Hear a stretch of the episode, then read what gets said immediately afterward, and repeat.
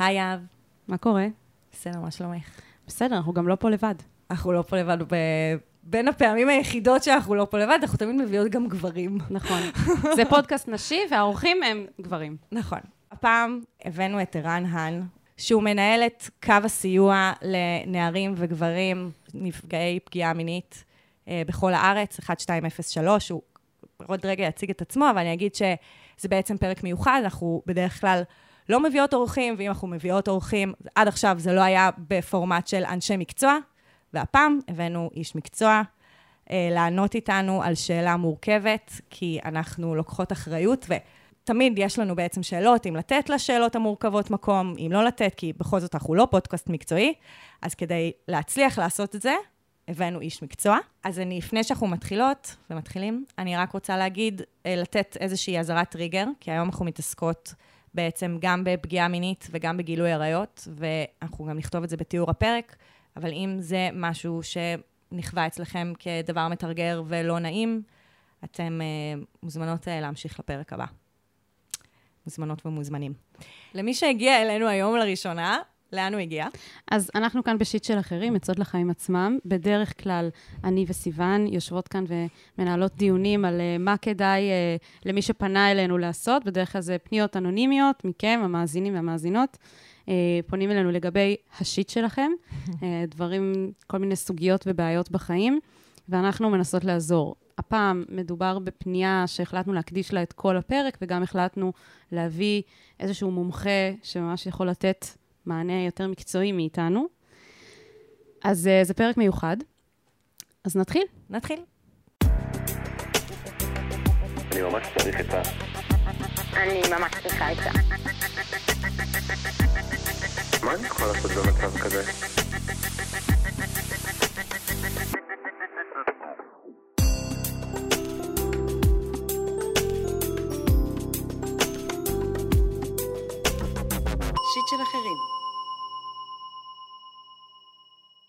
אז הפנייה שלנו היום היא מאדם הראשון, בן 28.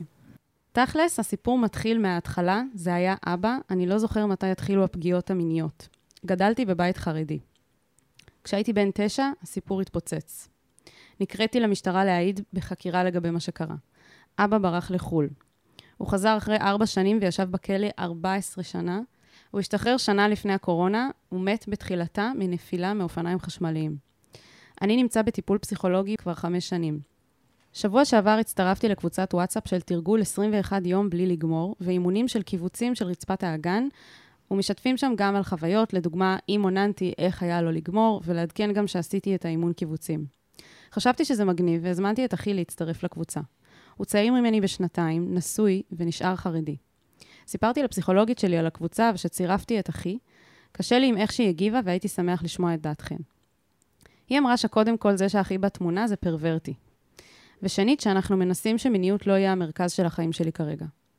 שלחתי לה את הפרק של סקס אפיל, שמסביר את זה. שזה ברור לי- פודקאסט. כן. ברור לי שהיא לא הקשיבה לפרק. היא אמרה שהשאלה היא האם מולטי אורגזמה זה הדבר שצריך שיהיה הכי מרכזי בחייך כיום, ואם נכון לתת מקום כה מרכזי למיניות, בזמן שאנחנו עובדים על היכולת שהחלק הזה לא ישתלט, וי- ויינתן מקום לעוד חלקים ואפשרויות. וזה נכון, אנחנו עובדים על זה שהמיניות לא תוביל אותי. אני מנסה להיות קשוב לתחושות ולתת להם להיות. האם לכן זה גם נראה פרוורטי? אציין שהיה גם מגע מיני ביני לבין אחי בתור ילדים ומתבגרים. הפסיכולוגית שלי חשבה שזה נורא, שזה מה שיקרב בינינו, ושאני יכול לעשות איתו דברים שלא כוללים מיניות. גם הקבוצת אימון הזו בכללי נראית כמו משהו שיחבר אותי לעצמי ויביא לי הקשבה וחיבור למיניות שלי. לא הבנתי למה הפסיכולוגית שלי מנסה לכבות לי משהו שנראה לי שיעשה לי טוב, וגם אם אח שלי מרוויח, אז שיהיה. כאילו, מתי החלטנו שהמיניות שלי יורדת מהשולחן? גם בהקשר של uh, פסיכדליה, הייתי ממש רוצה לעבור טיפול בפטריות וגם ללמוד את זה, והפסיכולוגית שלי לא ממש נותנת לגיטימציה למה שאני מרגיש לגבי זה. האם הגיע הזמן להיפרד ממנה? אני מרגיש בלבול, כעס, ושהיא לא מכבדת את השונות שלי ממנה. התחושה הזו לא חדשה, זה קרה לי במערכות יחסים שלי ובכללי בתקשורת עם אנשים. למדתי שזה פחד מסוים, אבל זה לא חייב להכתיב לי את ההתנהגות שלי. למדתי לא להגיב לדחף הזה. תודה על זה שאפשר לכתוב לכם. זה תודה שכתבת לנו, זה באמת... אני חושבת שכל פנייה כזאת אה, היא מאפשרת לנו איזשהו צלילה לתוך עולם שלא כולנו מעורים בו, ואנחנו לא מכירים אותו, ואנחנו לא מכירים את הז'רגון, ואנחנו לא מכירים... ובטח לא מדברים עליו בקול רם. נכון. אז אה, טוב, אנחנו, אנחנו רוצות להתחיל ולגעת בעדינות ולפרק באמת את, ה, את הפנייה הזאת, שבאמת הוא כתב לנו תודה, ואנחנו אומרות לו תודה שהוא כתב, כי הוא באמת מאפשר איזושהי אה, הבנה קצת יותר מעמיקה עבורנו, וזה גם מה שגרם לנו להזמין את ערן, שזה כבר אה, זכינו. לגמרי. אה, אז ערן, היי. היי. אני אשמח שתציג את עצמך ותספר ככה על מה שעשית בחיים עד היום בהקשר המקצועי. אתה יכול גם לספר מעבר, אה, שיכירו אותך.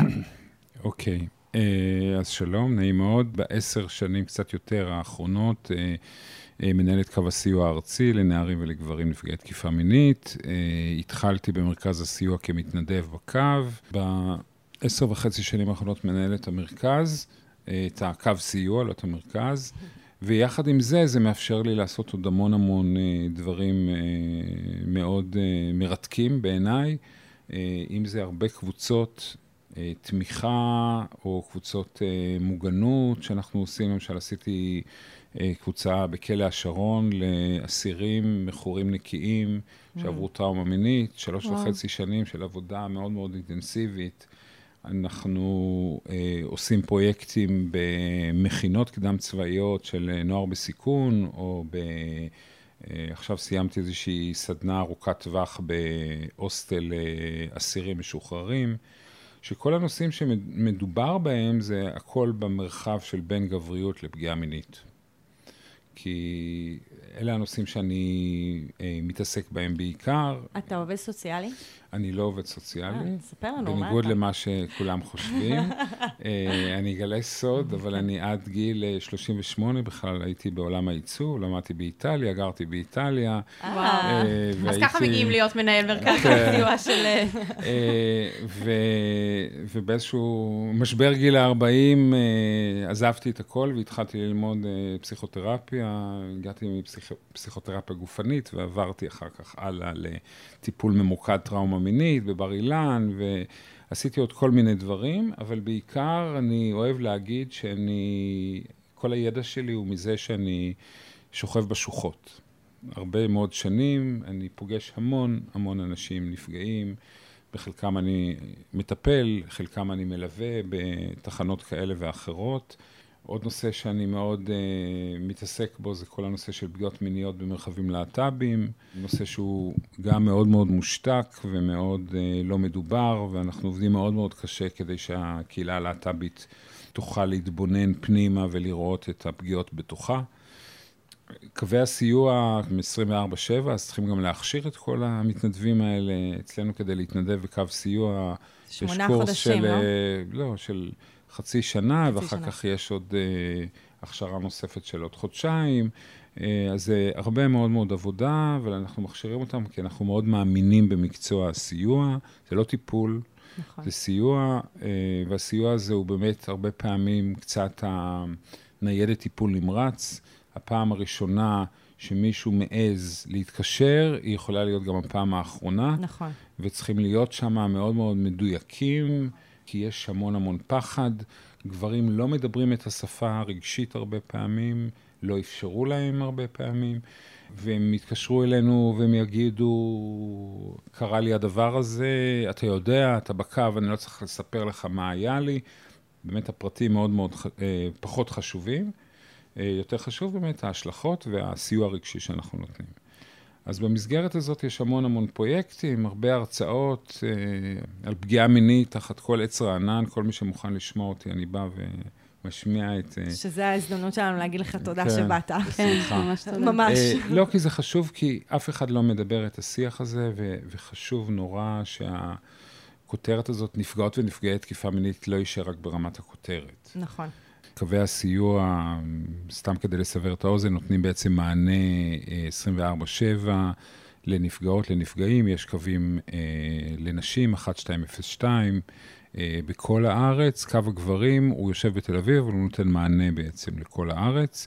אה, מגיעים אלינו אה, לא מעט פניות, אבל אה, לאין שיעור פחות מהפניות שמגיעות לנשים.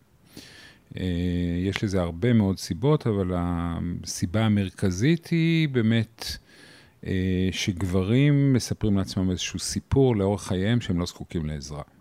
מעצם היותם גברים, הם מתקשים להיות במקום פגיע או במקום נזקק, ומנסים לפתור אה, את בעיותיהם דרך הרבה אופציות אחרות, הרבה פעמים דרך doing, דרך עשייה, דרך דברים אקטיביים, פעולות, כי זה בעצם הציווי, בוא נאמר, המסורתי, שהם מקבלים בעצם עיצוב הגבריות שלהם.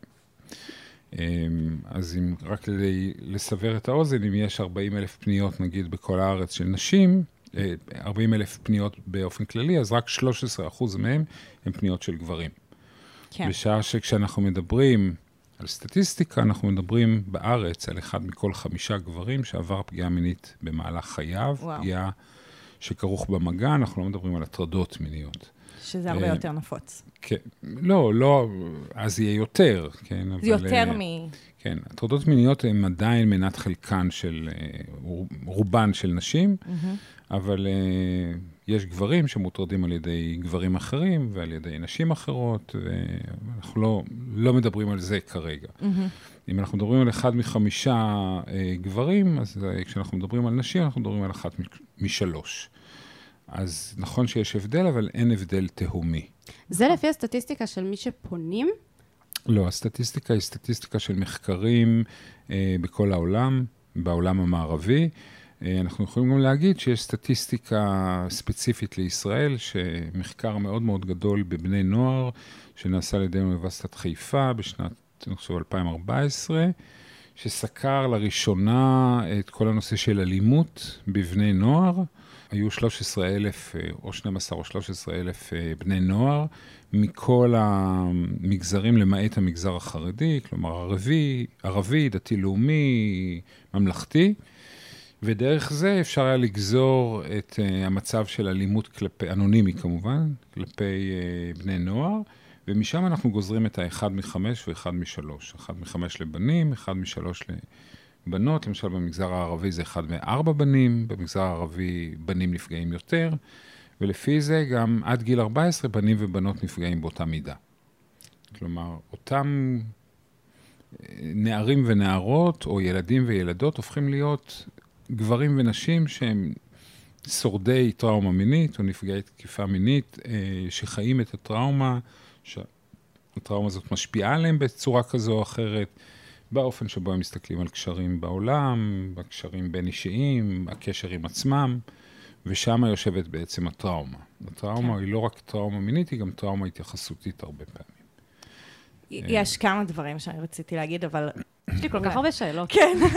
אני חושבת שאני פשוט, כאילו, כדי לא להפוך את הפרק הזה לשעתיים, אני אולי... אה, נשאיר את זה לאחרי זה. כן.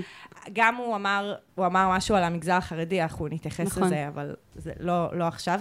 רגע, לפני, גם אני רוצה להגיד, אחת הסיבות שגברים לא פונים היא גם בגלל שאין להם בכלל התייחסות לעצמם כאנשים שיכולים להיפגע. כלומר, זה לא רק העניין של לבקש עזרה, כן, נכון? כן, זה גם זה, אבל זה גם העניין של uh, התפיסות החברתיות, שמדברות על זה שנשים נפגעות מעצם היותן נשים. כלומר, למה נשים נפגעות? כי הן חלשות. כן, פגיעות. למה הן נפגעות על ידי... הבנתי. לא, לא בגלל הפגיעות.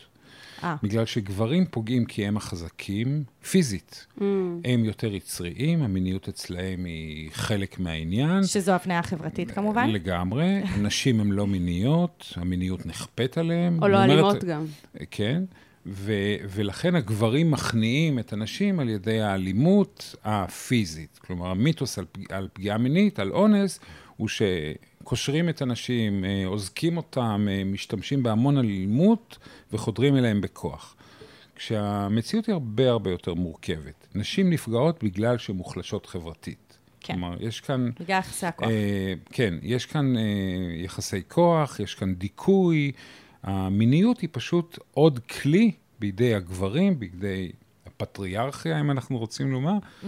אה, אנשים בעמדות הכוח, כדי לשלוט על אחרים. גם יש לי עוד נקודה שרציתי לציין, שהרבה מהגברים, תקן אותי אם אני טועה, נפגעים מינית אה, כשהם היו ילדים או נערים, ואז פנייה בעצם לקבל סיוע בהכרח תיעשה אולי אה, בגיל הרבה יותר מבוגר. כלומר, ב- ילד בן שמונה לא יפנה לקו הסיוע כנראה. לגמרי, גם לא ילדה בת שמונה, כן. בוא נאמר ככה. במרכזי הסיוע מטפלים בנערים ונערות החל מגיל 14, שזה גיל ההסכמה. מתחת לזה אנחנו יכולים לדבר עם בני משפחה, הורים וכאלה, אבל אנחנו לא נותנים את הסיוע, כי הסיוע הטלפוני עוד לא מותאם אה, עבורם. הם גם לא יודעים לבקש עזרה במקומות האלה, אין להם את ה outsourcing הזה בכלל לחפש, או כן, בטח. הדברים האלה. אבל חשוב להבין שבנים באופן כללי מחזיקים סוד הרבה יותר. זה חלק Mm. מ- מהגבריות שלהם, להחזיק, לשמור, אה, לא, לא לגלוש. כלומר, נשים, ואני אומר את זה במרכאות כפולות, הן היסטריות, הן לא מצליחות להחזיק, הן מאוד רגשיות, הן ישר זולגות החוצה, הרגש יוצא החוצה, אצל גברים זה בדיוק הפוך, זה מוחזק מאוד. אה, שוב פעם, בגלל שזה הציווי החברתי, אבל גם בגלל הפחד מאוד מהתפרקות. כאילו, אני אמור להיות חזק, אני אמור לפתור בעיות, אני אמור להיות אקטיבי בתוך החיים שלי, אה, אני זה שצריך לתמוך באנשים אחרים, אה, וברגע שאני ארשה לעצמי להיתמך, אני גם ירגיש לא גבר, ואני גם יוקע על ידי גברים אחרים או על ידי החברה. Mm, זה ויתור על איזושהי פריבילגיה. אה, זה גם ויתור על פריבילגיה, וגם באמת החוויה, וזה מאוד שונה מנשים, נשים כשהן נפגעות, התפיסת המגדר שלהן לא משתנה. להפך, היא מתחזקת. נכון. הכוונה היא שאתן מחונכות מגיל מאוד מאוד צעיר, שיש סיכוי יותר מסביר שבשל היותכם נשים, בטח. תיפגעו מינית. ואז בשל היותך אישה, זה אומר שאת לא נהיית פחות אישה כשאת נפגעת. נכון, נהפוך הוא. את כאילו, יש לך איזשהו נרטיב שהוא משותף להמון המון נשים, זה גם נקודת ההתייחסות שלך, וככה את אה, משתייכת באיזשהו אופן. אני, כשאני נפגע מינית, אני לא משתייך לכלום, אני משתייך לנשים, אני לא רוצה להשתייך לנשים. כן. נשים נפגעות מינית, ולכן אני אסתיר את זה. גם יש הרבה אנשים, גם היום, שבחוויה שלהם הם באים ואומרים, אני חשבתי שאני היחידי. אני לא ידעתי לקרוא לזה בשם. כן. כלומר, היכולת לשיים את זה היא גם הרבה יותר קטנה, כי זה לא חוויה שהיא חלק מנרטיב גברי. נכון. זהו, אני, אני אתחבר אליך פה בהקשר הזה, בהקשר של דלת פתוחה. הרי דלת פתוחה, אנחנו לא נותנות אה, סיוע לפגיעה מינית. אנחנו גם לא בכותרת הזאת, אנחנו נותנות ייעוץ על מיניות. ואלינו פונים הנערים שלא מצליחים להסביר לעצמם מה קרה להם. כלומר, בגלל שאין להם תפיסה שילד או נער או גבר יכול להיפגע, אז הם מתקשרים, הם מספרים על חוויה מינית, והם אומרים לי, אני מבולבל, ואני לא מבין למה. את יכולה להסביר לי למה? ואני בכלל, את, אני הצעד הראשון שלו בכלל בלהגיד לו, מה שקרה לך הוא לא בסדר. ואז השלב הבא זה באמת, כאילו, ההתקשרות בעצם לקו הסיוע. כן. בפגיעה מינית יש הרבה בדידות, אבל אצל גברים יש בדידות אה, גדולה יותר. לא שאנחנו עושים איזושהי תחרות, חס וחלילה. אבל אה, בדידות מהבחינה אחרת, הזאת, כן. שאני אני כל הזמן מאוים, שברגע שאני אצא עם הסיפור שלי, אני אשאר אה, מבודד, אה, אני אפרק את המשפחה שלי, אני אפרק את בנות הזוג שלי. יש המון גברים שמתקשרים ואומרים, אין מצב שאני אדבר עם אשתי, כי ברגע שאני אספר לאשתי, אני אמצא את המזוודה מחוץ לבית. וואו. למה? כי בעצם היא תבין שהגבר שהיא חושבת שאני זה בעצם פיקציה. כי כן. אני לא באמת אותו גבר, כי בפנים החוויה שלי היא חוויה שאני לא עמדתי ב, במה שאני מצפה מעצמי, או החברה מצפה ממני כגבר. וואי, זה כל כך. עצוב. זה בעצם, לא ידעתי להגן על עצמי. עכשיו, דבר חשוב להגיד, נשים שנפגעות ונגיד לא מגיבות, הן בפריז, הן מה שנקרא, הן לא בורחות או לא צועקות, עבורן זו חוויה אולי קשה, אבל זו חוויה שהיא היא נשמעת הגיונית. הוא חזק ממני, mm. הוא גבר, אני חלשה, נכנעתי, זה בסדר. זה ביחסי הכוח. פחות ביקורת חברתית. כן, יחסי מרות גם. נכון, אבל הזה. כשאני גבר בעצמי, או נער, ואני מטר שמונים, או מטר שבעים, ונגיד אפילו הפוגע שלי הוא מטר וחצי, וחלש ממני, איך אני מסביר לעצמי שלא וואו. הצלחתי להתמודד, שלא הצלחתי להגן על עצמי, לא הצלחתי להיות גבר, לא הצלחתי כאילו זה פגיעה לפעול. כפולה, בגלל ה- כן. המבנה עכשיו, הפיזי, אין- הפיזיולוגי. כן, עכשיו, אין אף אחד שמסביר, שאומר שבעצם הפריז הזה הוא תגובה פסיכולוגית, פיזיולוגית, כן? מאוד מאוד טבעית לאירוע לא נורמלי, והוא לא, לא תלוי מגדר. וזה גם כלומר- לא קשור לעד כמה אתה חזק, פיזית. בדיוק. עכשיו, עוד פעם, אנחנו כגברים, המיניות שלנו היא חלק ממה שמגדיר אותנו. אצל נשים זה הפוך. נשים מוקעות אם הן מגדירות עצמן דרך מיניות. כן. מספיק שהן לובשות חולצה צמודה מדי, אז ישר הולך למקום שהן מיניות הדיון. מדי, שהן פתייניות מדי, שלא יתפלאו אחר כך שיפגעו בהן. גבר יכול להיות מאוד מאוד מיני וללכת עם חולצה צמודה אחרי החדר כושר, אף אחד לא יחשוב שהוא מיני. אף אחד לא יכול לחשוב שהוא מנסה להשיג דרך זה משהו מיני. Mm. אבל התפיסה היא גם שהיצר המיני של גברים הוא יצר בלתי נשלט. כן. הגברים לא יכולים לשלוט ביצר הזה, ואז הם פוגעים.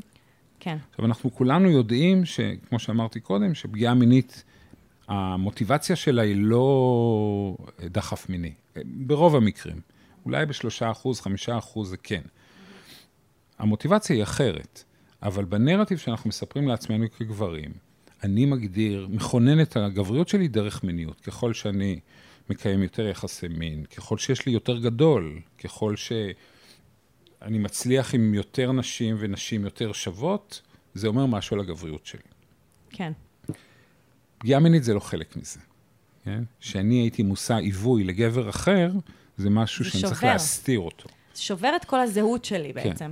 ועוד לא התחלנו לדבר על זה שבעצם אה, חוויה של פגיעה מינית היא לא רק מין שנכפה עליי, היא לא רק אלימות שנכפתה עליי, נכון. אלא גם כפייה של מעשה הומוסקסואלי שנ- שנכפה עליי. כי מי שפגע בי זה גבר. כאילו, יש פה עוד פעם כפל. יש פה עוד פעם כפל, וזה בדיוק הכפל שאנחנו מכירים. מישהו שהוא לא גבר, אז הוא הומו, קוקסינל, אה, אישה, חלש, פגיע, אל תבכה כמו נקבה, כל הדברים האלה שאנחנו מכירים. זה, אם אתה לא גברי, אתה בהכרח נשי. נכון. ומה זה לא גברי? זה לא, לא חזק מספיק, או לא מזיין מספיק, או לא כל הדברים האלה שאנחנו מדברים עליהם. ולכן החוויה הזאת היא חוויה של בדידות מאוד מאוד גדולה, הסתרה, סוד ואשמה מאוד מאוד גדולה. אשמה יש גם לנשים, כן? אבל, ובושה. כן. אבל פה יש משהו שהוא מועצם יותר, כי הוא מאיים יותר. אנחנו יודעים סטטיסטית, שרואים את זה בקו סיוע מאוד, שגברים, אה, לוקח להם הרבה יותר זמן לשחרר את הסוד של הפגיעה המינית, כי יש להם הרבה יותר מה להפסיד. Mm. ואין להם איזושהי אה, קבוצת הזדהות שהם יכולים להתאגד דרכה ולספר את סיפור הטראומה. אין בהכרח קבוצות, אה, יש מעט מאוד קבוצות של אה, גברים בלבד. יש שתיים במרכז הסיוע, שאחת מהן אני מנחה, ויש אולי עוד אחת באיזושהי עמותה אחרת, ויש קבוצות אחרות שמשותפות לנשים ולגברים. אבל היכולת הזאת לתת לגברים את הבמה, את המקום ש, שהם זקוקים לו לדבר בשפתם, שהיא שפה שונה. הם מדברים אחרת טראומה, הם מדברים אחרת רגשות. אה, זה מאוד חשוב. אוקיי, בוא נגיד ככה, ערן, אני אשמח שתגיד, אה, שתתייחס ככה לדברים שקפצו לך אה, ביחס לפנייה, ואנחנו נפתח את זה. כן. לי. מה הדברים המרכזיים שאתה רואה פה? אוקיי, קודם כל, חשוב לי להגיד שאני אני לא רוצה שנעסוק בהבחנות. מה זה פרוורטי ומה זה לא פרוורטי, אה, זה יכול לדון גם עם המטפלת שלו, ואנחנו לא, אנחנו עוסקים בחוויה רגשית, בסדר? באיזושהי חוויה רגשית שלו מול עצמו, מול אחיו ומול המטפלת שלו. אז אני מניח בצד את המילה פרוורטי, כי זה, יש לזה תמיד השלכות של אה, משהו לא בסדר, ומשהו חולני, ומשהו סוטה. לא רוצה להיכנס למונחים הקליניים. קודם כל חשוב לי להגיד באופן כללי, אה, פגיעה מינית, במיוחד גילוי עריות, במיוחד על ידי אבא, במיוחד במשפחה חרדית, שאבא תופס מקום מאוד מאוד נכבד, משהו שיש כלפיו המון המון יראה, והוא מודל לחיקוי ועוד כל מיני דברים, משנה את האופן אה, שבו אותו בחור צעיר אה, מתבונן על החיים. אי אפשר להסתכל על החיים אותו דבר, זה צובע את החיים, זה צובע את היכולת שלי להאמין באנשים אחרים, זה צובע את היכולת שלי אה, ליצור קשרים אולי אה, בריאים. אה, אני צריך לעבוד הרבה יותר קשה בסופו של דבר, והדבר שהוא הכי חשוב, ופה הוא בבסיס, אם אנחנו מדברים על מיניות, זה שזה צובע את כל האופן שבו אני מסתכל על מיניות. כי המיניות שאני נחשפתי אליה, שלא הייתה מיניות, הייתה פגיעה, היא מיניות לא מותאמת. כן.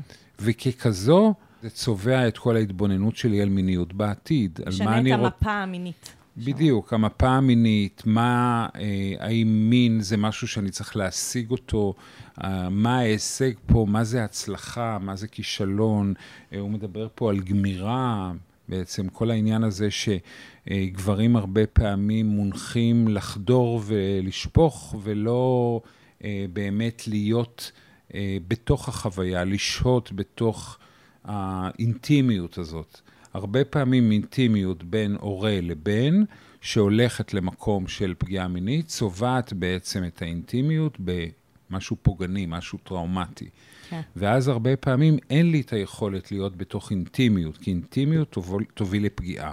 יש לי אולי כן יכולת להיות בתוך מיניות, אבל שהיא מנותקת מאינטימיות. ובטיפול, עצם זה שאני יכול להיות באינטימיות עם המטפלת שלי, להתנגד למה שהיא אומרת, להתווכח איתה, לייצר איזשהו שיח, להצליח לכעוס עליה, להצליח לאהוב אותה, להצליח להיות איתה באינטימיות, זה התיקון, ואת זה אני לוקח לתוך החיים שלי. כן. זה עכשיו- הק- הקשר הוא הטיפול. בדיוק. אני שומע אה, אה, את דבריו, ואני רואה הרבה מאוד אה, אהבה ואמונה במטפלת הזאת.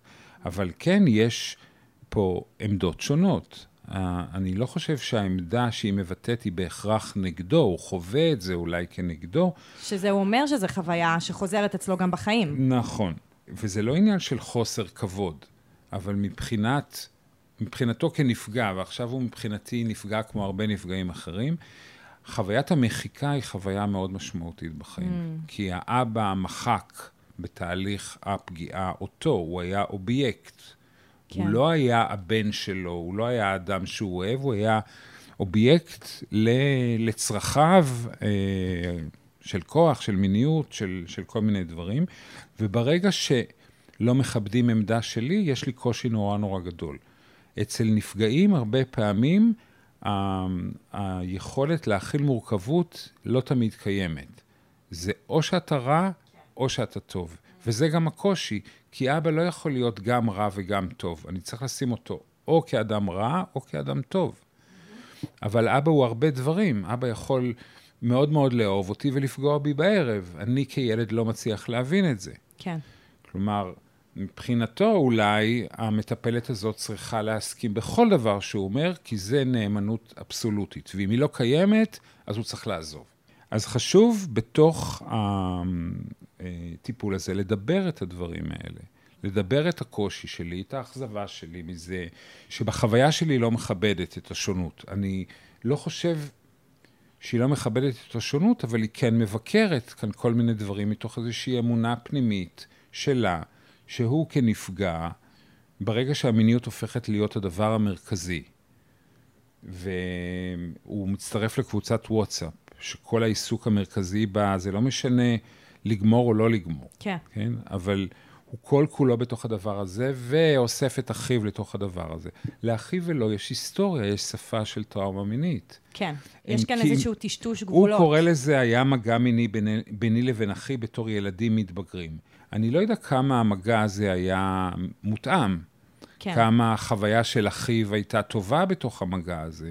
כמה זה שחזור של הפגיעה המינית שהייתה על ידי האבא. כן. כלומר, זה... איך זה יכול להיות מותאם בין שני אחים? אני- אני כאילו תוהה. זה- זה לא מותאם מעצם זה שהם אחים, בסדר, לא? אבל נכון, זה לא מותאם מוסרית או זה לא מותאם חברתית, אבל מבחינת החוויה שלהם, זו השפה, Mm. אני לא יודע אם אחיו נפגע גם כן על ידי אבא, אבל זו השפה שמדברים. הם מתקרבים על ידי מיניות, מיניות לא מותאמת, מיניות פוגענית, מיניות חסרת גבולות. אין שם איזשהו גבול. זה טשטוש של שפת הרוך ושפת התשוקה. נכון, גם. הגבר אה, הבוגר מביא את שפת התשוקה, את השפה המניפולטיבית שמנסה להשיג איזשהו משהו, דרך מיניות, והילד בסופו של דבר, מה שהוא רוצה זה רוך וקרבה וחום, כן. והוא נענה לזה.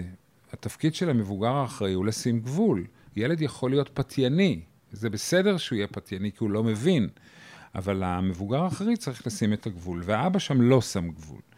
עכשיו, האבא הזה גם לא קיים יותר, האבא נהרג בתאונה, אה, עם כל הכעס ועם הכל, הוא לא קיים בתוך חייו בצורה מסוימת, אין על מי לכעוס יותר. אין עם מי לעשות את התיקון, כביכול. נכון, כלומר, נכון. נקטע העיבוד שאפשר נכון. לעשות. עכשיו, בניגוד אליו, לאחיו, עדיין הוא נשאר חרדי. יש לו קבוצת שייכות, הוא שייך למשהו, יש לו אישה, יש לו מסגרת, אולי יש לו ילדים.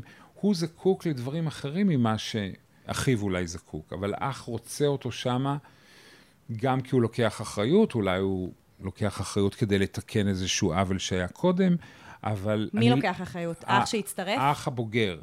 לא, האח הבוגר. אוקיי. עכשיו, לא בהכרח אה, האח הצעיר, החרדי הנשוי, מעוניין בדבר הזה, אבל לא יודע.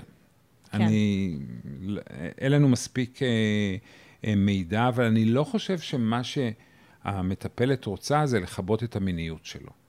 כי מיניות היא משאב. מיניות Mm. היא דבר חשוב ואי אפשר לוותר עליה. כן. אבל יש הבדל בין מיניות שהופכת להיות המרכז, כן, לדוגמה, עם מישהו שמאונן עשר פעמים ביום או חמש פעמים ביום, והחיים הם מה שבין אוננות לאוננות, שזה הופך להיות המרכז. הוא עצוב אז הוא מאונן, הוא מרוגז אז הוא מאונן, מתוך איזושהי מטרה ל- לחוות איזשהו רגש שיצליח להרגיע איזושהי מצוקה, איזשהו אי שקט. וברגע שזה לא קיים, זה יכול להתגבר. ככל שהמצוקה גדלה, הצורך בטקסים כאלה ואחרים עולה. גם יש הבדל בין אה, לא לשים את המיניות במרכז החיים שלו, לבין המשפט שהוא אמר, מתי החלטנו שהמיניות שלי יורדת מהשולחן. כן. ואני חושב שפה הוא חושף את הפחד הנורא נורא גדול שלו, שמה יהיה ביום שאולי המיניות תרד מהשולחן. מי הוא יהיה בלי המיניות הזאת? עכשיו, מן הסתם זה לא המטרה של המטפלת וזה גם לא המטרה שלו, וזה גם לא... זה דחף טבעי, זה דחף אנושי, אה, אבל שוב פעם, כל עוד הוא מבוסת, כל עוד הוא בשליטה עליו, אבל ברגע שהוא לא בשליטה עליו, זה בעייתי. עכשיו, ברור לחלוטין שהוא הולך לתרגול של 21 יום בלי לגמור כדי לייצר איזושהי שליטה. שכבר הוא מבין, בלי אולי להיות מודע לזה, ש, שיש כאן משהו שהוא חייב להיות בו בשליטה. כן. אבל זה ללכת לקיצון. 21 יום לא לגמור, אני לא יודע מה יהיה אחרי 21 יום. יכול להיות שאחרי 21 יום יהיה פיצוץ. כן, מהבחינה הזאת ש, שזה, מיניות היא צורך בריא, אבל כל עוד היא לא אה, מנהלת אותו, והיא מנהלת אותו לגמרי. עכשיו, ברור לחלוטין, הוא גם אומר, הוא רוצה תודעה, יש איזשהו רצון או כמיהה שיש אצל הרבה נפגעים אה, ללכת לאקסטרים. בסדר? לנסות לפעול בדרך אולי מהירה יותר. אתה מדבר על אל- הטיפול בפסיכדלים? כן. אוקיי. ללכת לתוך החוויה הזאת של אולי אה, מעבר לתודעה. אולי יש שם איזשהו משהו נסתר שאני אצליח לחשוף אותו. הרבה נפגעים, למשל, שלא זוכרים את הפגיעות, יש איזושהי תחושה עמומה גופנית שהם מרגישים לאורך כל החיים, אה, איזשהו זיכרון עמום, והם נורא רוצים לעשות סדר. כי סדר מייצר שליטה, שליטה מייצרת רוגע, היא מונעת חרדה. אה, וכשאני אדע בדיוק מה קרה, אז תהיה איזושהי רגיעה. ויכול להיות שזה גם הרצון לפטריות, להכיר את עצמי יותר, להיות ביונד, להיות מעבר ל- לכאן ועכשיו, לא להיות עוד פעם עסוק במיניות שלי, לא להיות הפגוע, לא להיות הקורבן, אלא להיות אה, ציפור דרור, חופשי, free spirit. אבל העניין כאן, כאילו, מה שאני שומעת כחוט שני ב- לאורך הפנייה, זה ששוב ושוב הוא מרגיש שהמטפלת לא איתו בתוך הדבר הזה. כלומר, טיפול בפסיכדלים, זה אומנם, זה, זה דבר, זה מאוד בראשיתו, יש על זה הרבה דעות, יש על זה זה, אבל זה לא, כלומר, יש עכשיו מחקר על זה, ספציפית גם בטיפול בטראומה, בכל מה שקשור למשל זה ב... לא פסיכדלי, זה MDMA, זה זה, ה-MDMA. זה שונה. נכון. וזה יש, מבוקר, יש גם מחקרים וזה... על, על פטריות, יש גם, יש גם כל כן. החומרים. אני, אני רוצה להעלות בכלל את העניין שזה לא, זה, אני לא חושבת שזה הפטריות זה המרכז, וגם לא הקבוצה הזאת זה המרכז. בדיוק. זה יותר אה, התחושה שהמטפלת שלי היא, יש דברים שכאילו... אה, היא לא מוכנה אה, להיפתח אליהם.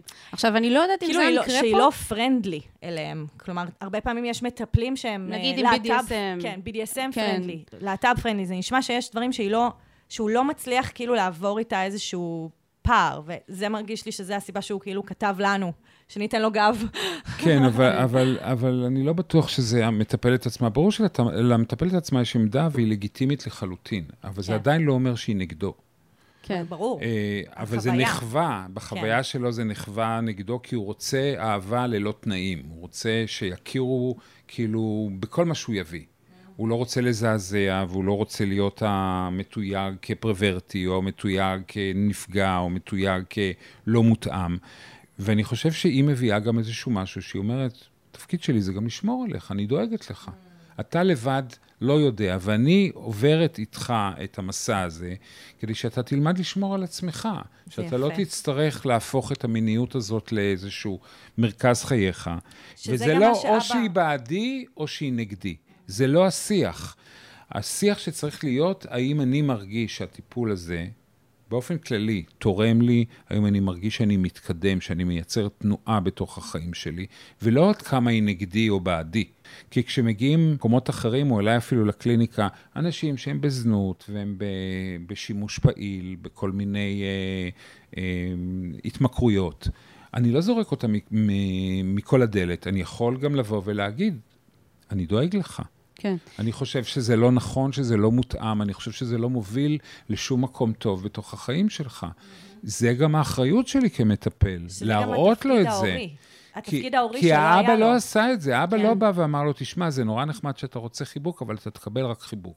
לא, הוא נתן לו עוד, היה שם פריצה של גבולות. אני רוצה להפריד בין אה, איזושהי לגיטימציה לחוויה קצת יותר כוללת עם מטפלים באופן כללי, לבין החוויה שלו עם המטפלת שלו, שמבחינתי ההבדל זה להגיד, אוקיי, יש, זה נכון שיש חוויות של מטופלים עם מטפלים שלא נותנים לגיטימציה לכל מיני דברים שמבחינתם זה איזשהו קו אדום מוסרני, זה קיים, זה, זה חוויה לא, לא פשוטה למטופלים, וזה משהו שכאילו, כן, אני חושבת שצריך להכיר בזה שיש נכון, יש גם את על זה הדבר הזה. יש גם מחקר על זה. יש גם טיפולי המרה, יש הכל, יש גם נכון. חרא של מטפלים, ויש מטפלים שעושים נכון. רע, ויש מטפל, מטפלים שפוגעים מינית. נכון. נכון, אנחנו אז- נחשפנו לא מעט, יש מהכל.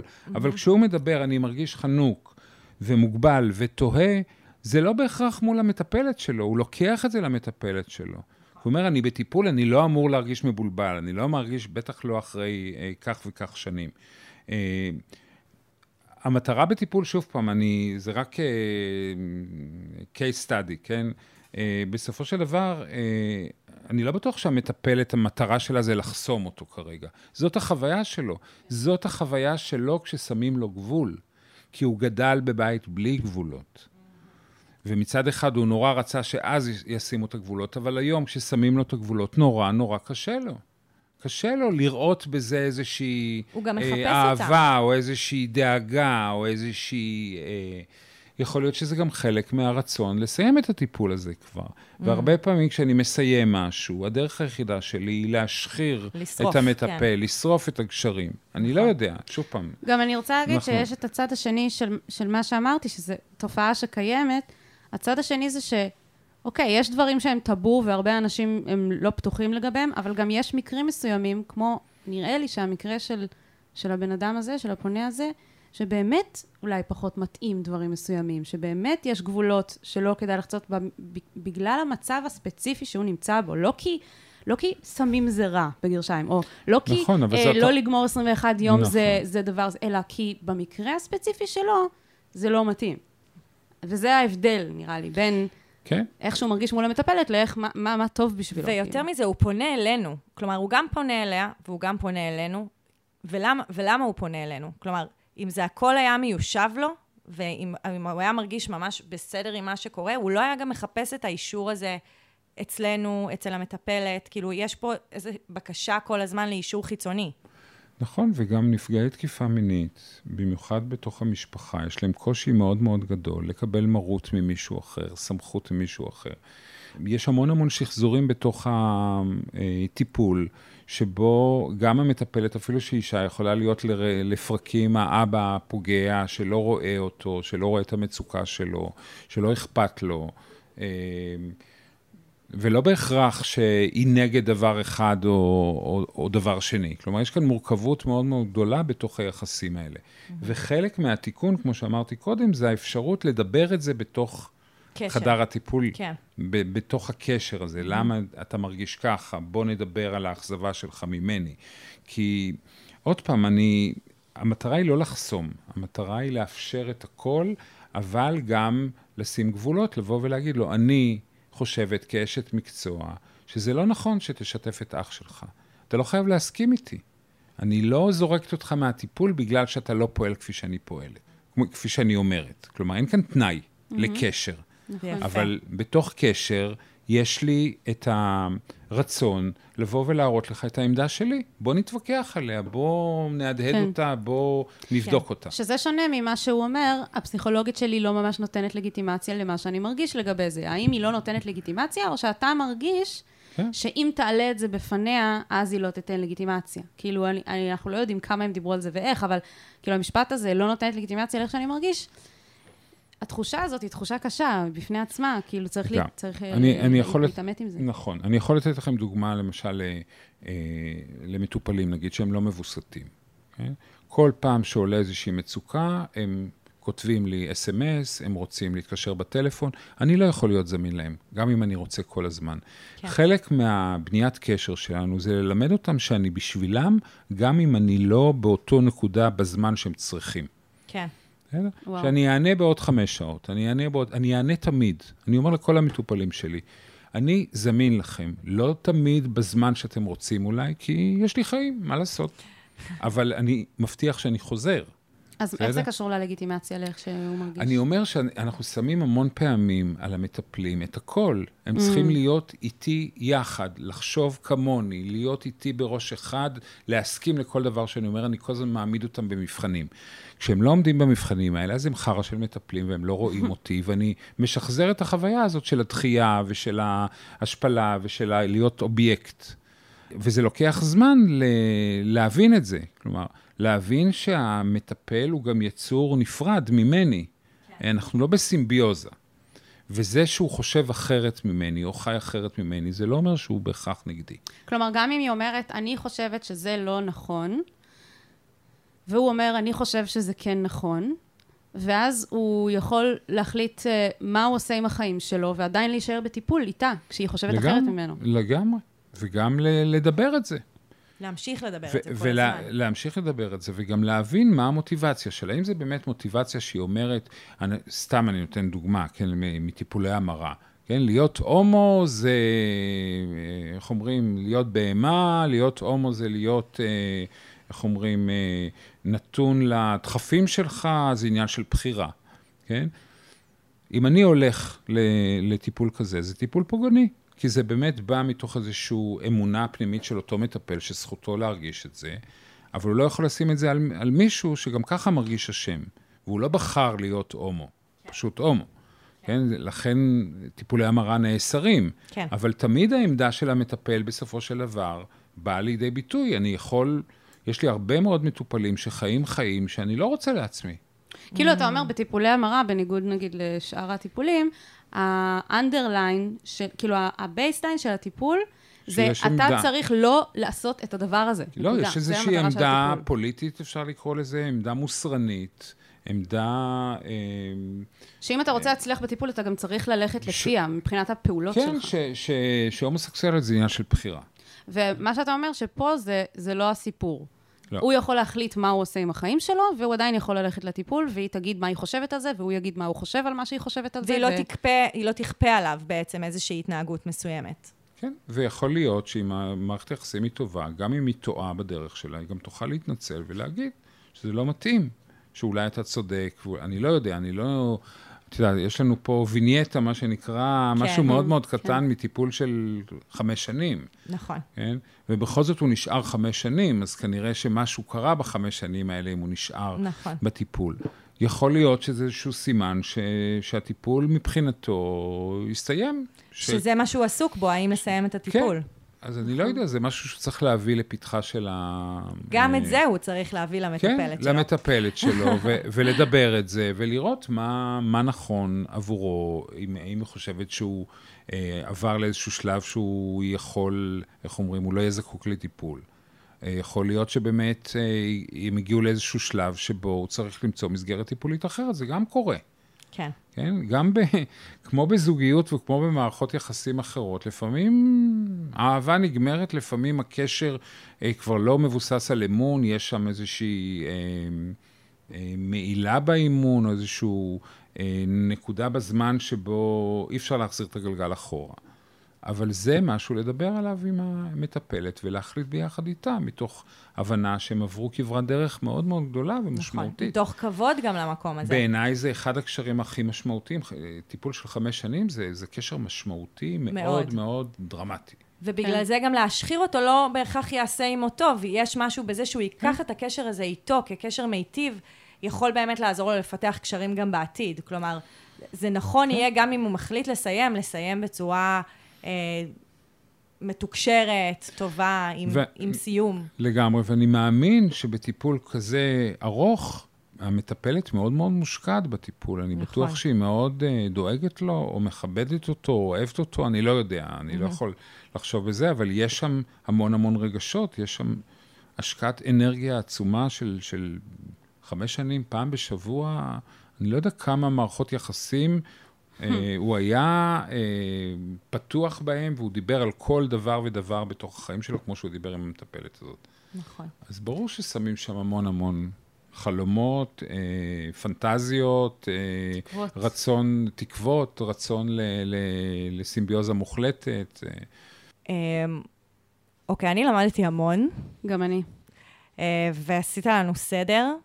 עשית לי סדר אפילו, אני, אני מתמחה כרגע בטיפול מיני, עשית לי סדר כמטפלת. זה, נתת גם הרבה מילים לדברים שאני חווה כרגע ב, כמטפלת, אז זה ממש היה... גם אפילו שמת, אני מרגישה ששמת לנו גבול, כי מישהו כתב לנו, כשהוא מבקש שנגיד מה אנחנו חושבות על מה שהמטפלת, על השיח הזה בינו לבין המטפלת, על מה כדאי לו לעשות או לא לעשות. ואתה שמת ואתה את שמת את הגבול. הגבול ואמרת, אנחנו לא הולכים להגיד לו אם כן כדאי לו להיות בקבוצה או אם לא, אם כדאי לו להכניס את אח שלו, אם כדאי לו לעשות טיפול, לא, זה לא מה שאנחנו באים לעשות. נכון. ואני, לי, אני לא באה מתחום הטיפול, אז כאילו לי קל פשוט כזה, כמו שיחה חברית, להגיד, לא, בעצם כן כדאי לך, או לא כדאי לך לעשות את זה, וזה לא ה...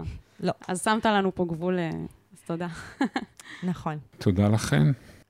אז המון תודה לערן שהיה איתנו כאן. אה, אם אתם רוצים גם שאנחנו נענה לכם על הפניות, זה יכול להיות באמת כל דבר, כל עוד זה יושב עליכם או עליכם, אתם אה, מוזמנים ומוזמנות. אפשר אה, לפנות אלינו בטופס אנונימי, שנמצא גם בתיאור הפרק, איפה שאתם לא מאזינים, וגם נמצא כפוסט נעוץ בקבוצת הפייסבוק שלנו, שיט של אחרים, עצות לחיים עצמם. אז אה, ממש מוזמנים להיכנס לקבוצה, ויש שם גם דיונים וכל מיני דברים נחמדים. ויש לנו גם עמוד אינסטגרם שקוראים לו other people shit, ששם יש אה, המון כיף, ותצטרפו. אה, נתראה בשבוע הבא. נתראה. אני ממש צריך את ה... אני ממש צריכה את זה. מה אני יכול לעשות במצב כזה?